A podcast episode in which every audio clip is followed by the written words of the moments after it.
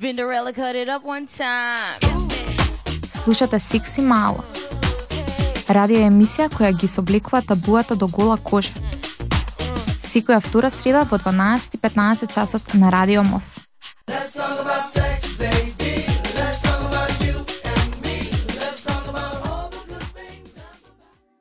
Здраво, здраво дечки, ева нова емисија на Секси Мало во оваа нова сезона, 11 октомври, а прва емисија на Секси Мало. Во студиото сме тука заедно со Тина, овдека е Лина. Здраво, здраво. И оваа година во стандардно време резервирано само за секси мало ви предлагаме да се сварите еден добар чај или кафе и да ни се придружите во уживанцијата на денешната тема,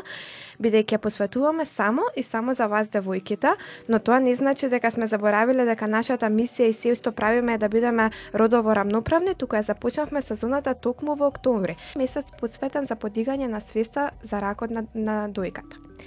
Она што э, е значајно овој месец октомври, поточно датумот денешен 11 октомври, она што се смета како интернационален ден на женското дете, International Day of Girl Child, што е основан од 2011 година од страна на Обединените нации, бидејќи се ова вака не поврзува за девојките, ние сме денеска јас и Тина заедно во оваа емисија и би сакале да зборуваме што е можно повеќе за оние права што се запоставени се уште во во општеството, она што жените уште има многу многу аспекти во кои што се се заостанати од страна на, на населението како социјалниот, личниот, образовниот статус на една девојка и жена во нашето општество и слично. Затоа предлагам сега малку да се одмориме со музика, а потоа заедно да летнеме во овие прекрасни теми кои што ги ги понудиме денеска.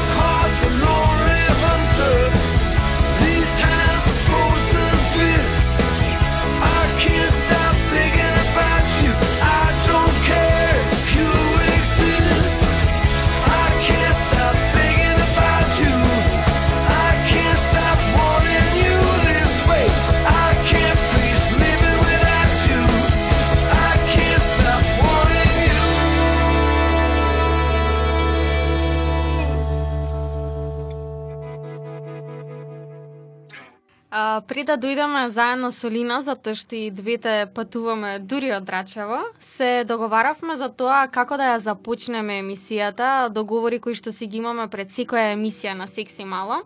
И баш денес коментиравме колку брзо дојде есента и дека како вчера да беше лето. Па така почнав да ја кажувам како са бајлево, кога се подготвував за на факултет, нервозно го расторив целиот шкаф со алишта, бидејќи не знав што да облечам. Се прашував дали изгледам дебело во едниве фармерки, дали ќе ми се познаваат премногу облините во други. Сите алишта ми беа летни, па треба да купувам нови, а сум поправена и така натаму и така натаму. Продолживме со муабетот заедно со Лина, не сваќајќи го а, его трипот во кој самите навлеговме и најпосле си рековме. Чекај малку, зарем е на вистина трагично тоа дека сме се поправиле некој килограм плюс, а, и во кои рамки всушност се вклопуваме и кога почнуваме да мислиме дека а, претесните или еден број поголеми фармерки некаде и за некои се неприфатливи, срамотно е да ги носиме и така натаму и така натаму. Рина, веќе го правевме муабетот, но за сите секси малци кои што ја слушаат емисијата,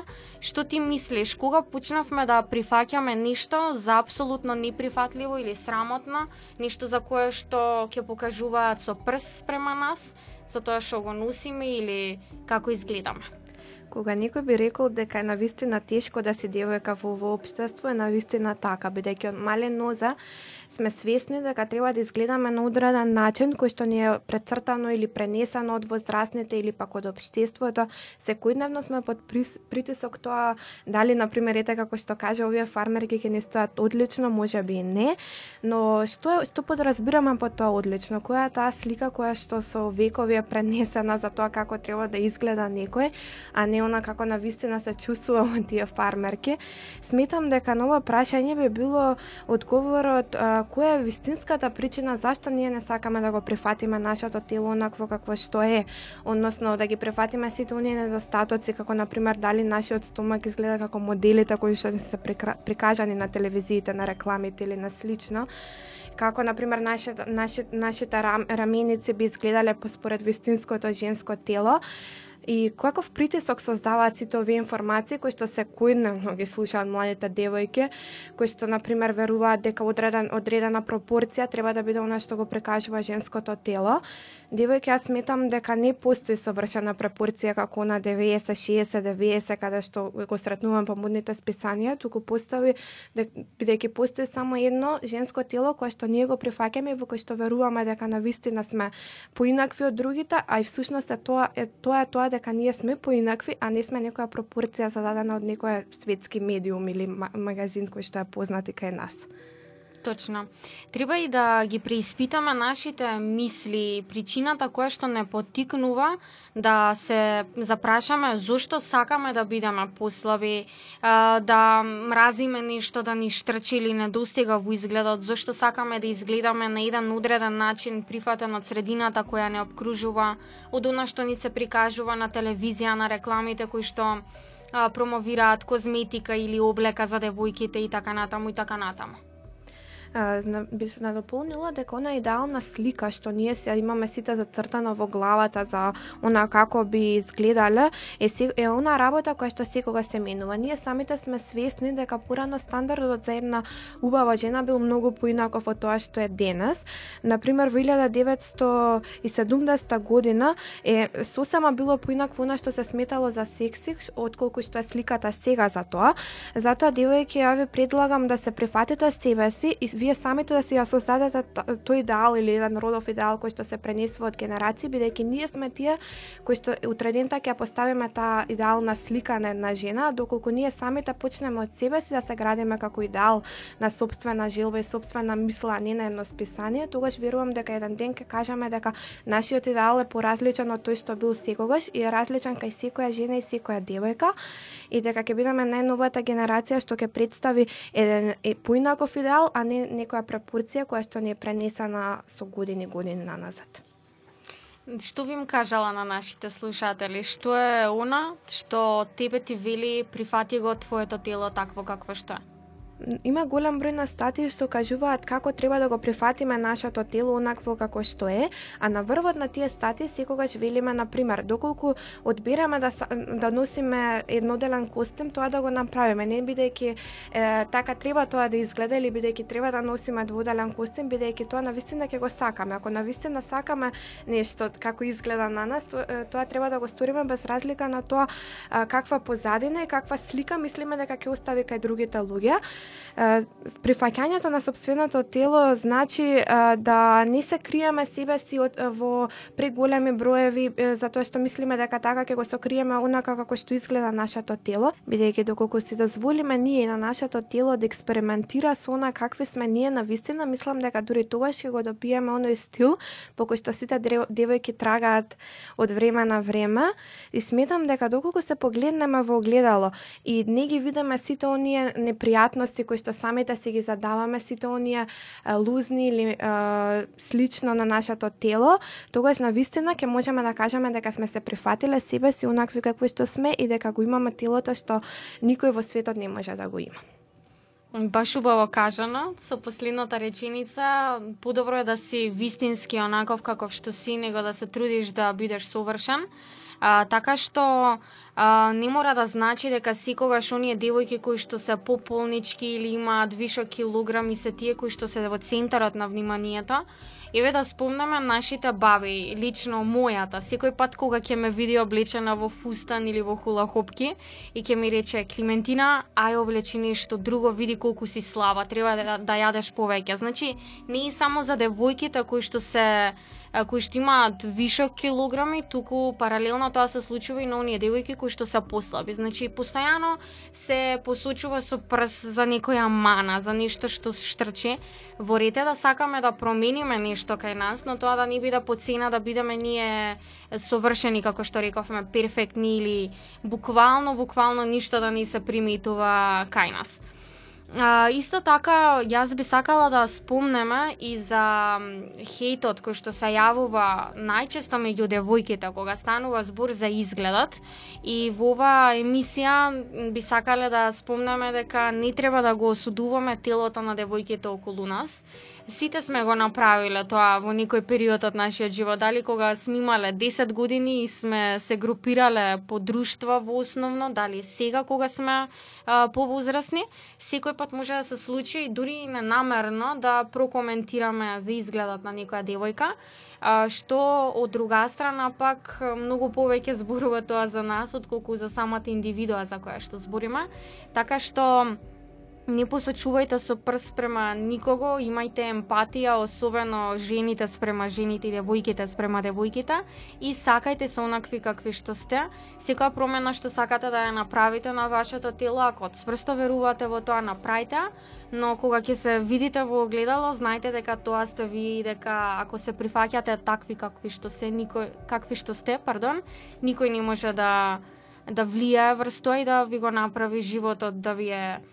помалку среќен или да ви го расипе денот на крај крајава. Продолжуваме со малку музика за да се размрдаме во студио и следува следниот блог во кој што малку повеќе ќе спомнаме зошто е важно а, толку а, интер, зошто е толку важен интернационалниот ден за женските деца и каде се ни светот се прославува.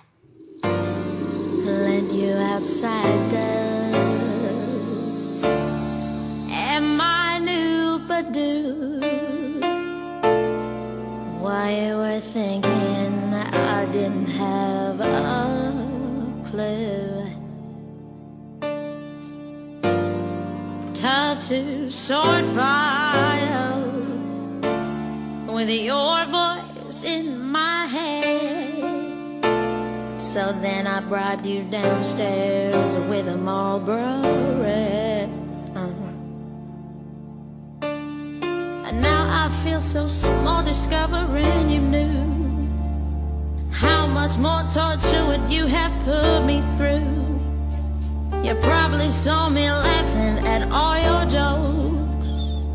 or how I did not mind when you stole all my smokes, yeah. And all although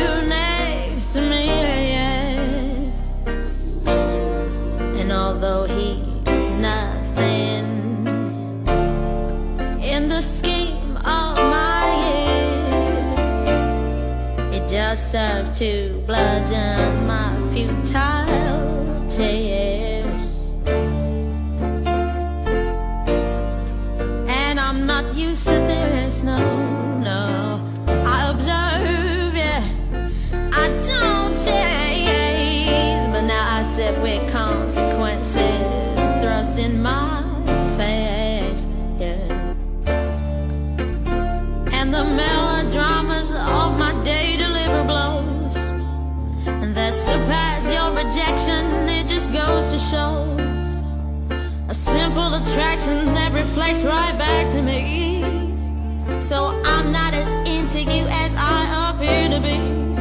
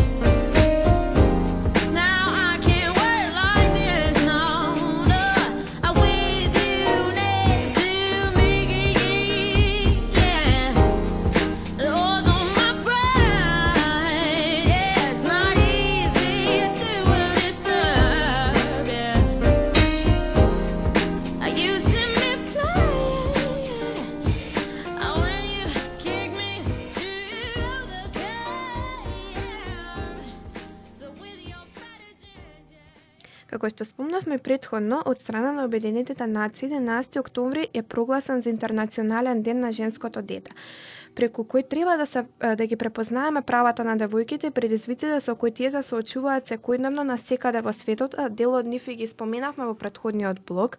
Девојките имаат право на безбеден, образован и здрав живот. Не само во така наречениот критичен период на развивање, односно во периодот кога почнуваат во училиште и слично, туку и како зрели жени. Ако се ефикасно подржувани во адолесцентниот живот, девојките имаат потенцијал да го сменат светот и како овластени девојки на денешницата, така и како утрешни работници, мајки, предприемачи, ментори, глави на семејството и политичари. Она што Обединетите нации сака да го кажат со ова е токму она што секојдневно се случува во нашето општество, а тоа е да не се верува доволно во жената колку може да успее и колку може на вистина да го да се представи пред се како личност, а потоа како одреден пол во кој што е сместана или род од страна на општеството. Девојките во својата прва декада од животот имаат поголема веројатност да се запишат во во основно училиште, да се вакцинираат и помалку е веројатно да живеат а, со здравствени и нутритивни проблеми, како што било случај во генерации наназад. Како и да е, постои недоволна инвестиција во решавање на предизвици со кои девојките се соочуваат во втората декада од нивниот живот. Ова вклучува добивање квалитетно средно и високо образование, одбегнување на детските бракови и текако заштитување од несаканата бременост, доволна информација за репродуктивното здравје и права и како да се заштитат од сексуалното преносливи инфекции и родовото насилство. Она што Обединените нации особено го истакнуваат е тоа што се уште во овој период од животот се наоѓаме во ситуација кога дознаваме за девојки кои што биле жртви на семено насилство токму поради ова наречен детски брак или на пример кај нас многу е многу почесто присутен како ветани бракови кои што и така кажуваат дека девојките не се спремни ниту психички ниту физички за една нова um, етапа од нивниот живот како што е брак и грижање за семејството, бидејќи пред се им го ми се уништува правото на избор како кое е споменато во човековите права, а потоа и сите останати права кои што се под, во кои што Македонија е еден дел од подписниците на овие човекови права и сметаме дека е, и посочуваме кон властите да одредат поголемо внимание и контрола кон ова што секојдневно се случува и во кој што слушаме можеби приказни, можеби вистини, можеби не, но сепак сметам дека треба да се превземе на а, поголема контрола врз овие детски бракови или ветани бракови, а самиот факт, факт дека постојат е тоа што кажуваме на многу а, бременности кои што се под 18-та година можеби а, и дека Македонија е од на врвот на листата на, дев, на забременување на девојки кои што се под 18 години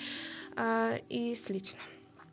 а, прекрашувањето на овие права што Лина неколку пати ги напомена во незиното кажување, а, често пати се испреплетуваат едни со други, на пример детските девојките кои што се рано мажени, често се соочуваат и со нарушување на човекови права како што се а, на, например, тоа да бидат жртви на физичко и сексуално вознемирување, да бидат отстранети од училиштата за да ги вршат домашните обврски и се помалку способни да се залагаат за себе си и за нивните права. Впрочем, во некои рурални или средини каде што девојките не се едуцирани или образовани, тие можеби воопшто не знаат кои се права постојат за нив. И поверојатно е дека образованите девојки би го одложиле бракот и формирањето на семејство, си, плани, си планираа дали воопшто сака да формираат семејство или кога да останат бремени, а кај средни, средно образованите девојки, шест пати е помала веројатноста дека ќе стапат во брак како деца наспроти девојките кои што не се образовани. Исто така во развиените земји една на три девојки е во брак пред 18-тата година што на вистина зборува дека и во општества како нашето каде што и момчињата и девојчињата имаат подеднаков пристап до образование, а, големи се бројките каде што се присутни така наречените ветени или малолетнички бракови. Продолжуваме повторно со музика и се враќаме назад во студио за да спомнеме а, нешто и за месецот посветен за превенција на ракот на дојката, кој исто така представува и месец за превенција на насилство врз девојки и жени. Sometimes I feel like throw my hands up in the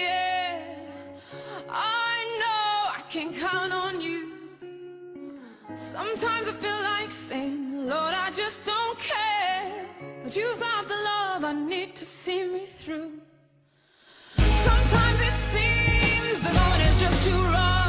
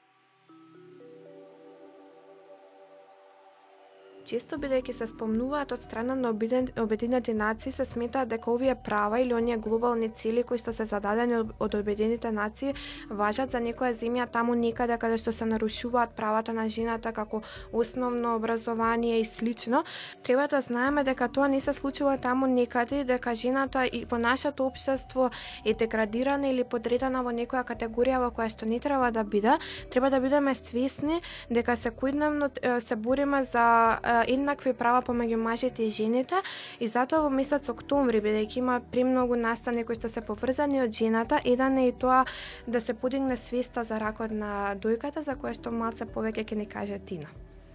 А, токму месецот октомври и мислам дека не случајно е одбран за месец посветен за превенција на ракот на дојката и зголемување на свесноста за појава на истиот. А, знаете дека во ос, особено во главниот град во Скопје се случува дури и маратон кој што постои за да се зголеми свесноста, а, за да стан, за да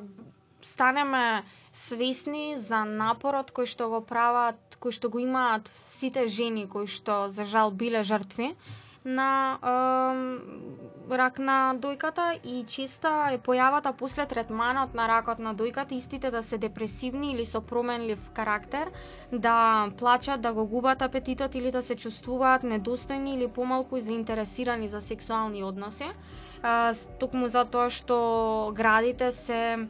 вклучени во, иденти, во идентитетот на жената и губењето на истите може да биде вознемирувачки, затоа не само што испраќаме порака да редовно одите на гинеколошки прегледи каде што гинекологот дали со палпација или на ехо може да направи преглед на дојките за рано диагностицирање, што е особено важно, а тоа не го знаат средношколците ширум Македонија. Исто така, а, сакаме да испратиме подршка до сите жени или девојки кои што се соочили или се соочуваат со рак на дојката, да бидат сврсти и да, не знам, целата тема која што ја посветивме за оваа емисија, тоа е да се чувствуваат удобно во своето тело, дека на вистина ќе продолжат да се чувствуваат така и дека нема ништо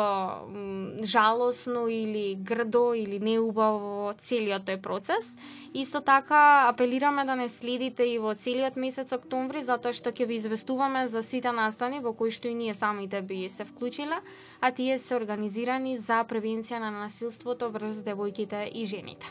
Се слушаме а, наредна среда во 12:15 часот. Јас и Лина ве поздравуваме од студио и тука се одјавуваме. Секако пред да се одјавиме, би ве препорачала да следите нашата страна на Facebook страна Секси Мало, во која што се објавува еден повик за а, викенд обука на темата на ССО, која ја држаат Хира Млади, односно сертифицирани едукатори за оваа тема. А, крајниот рок е утре, така да побрзајте и се гледаме во некоја наредна едукација. Spinderella cut it up one time.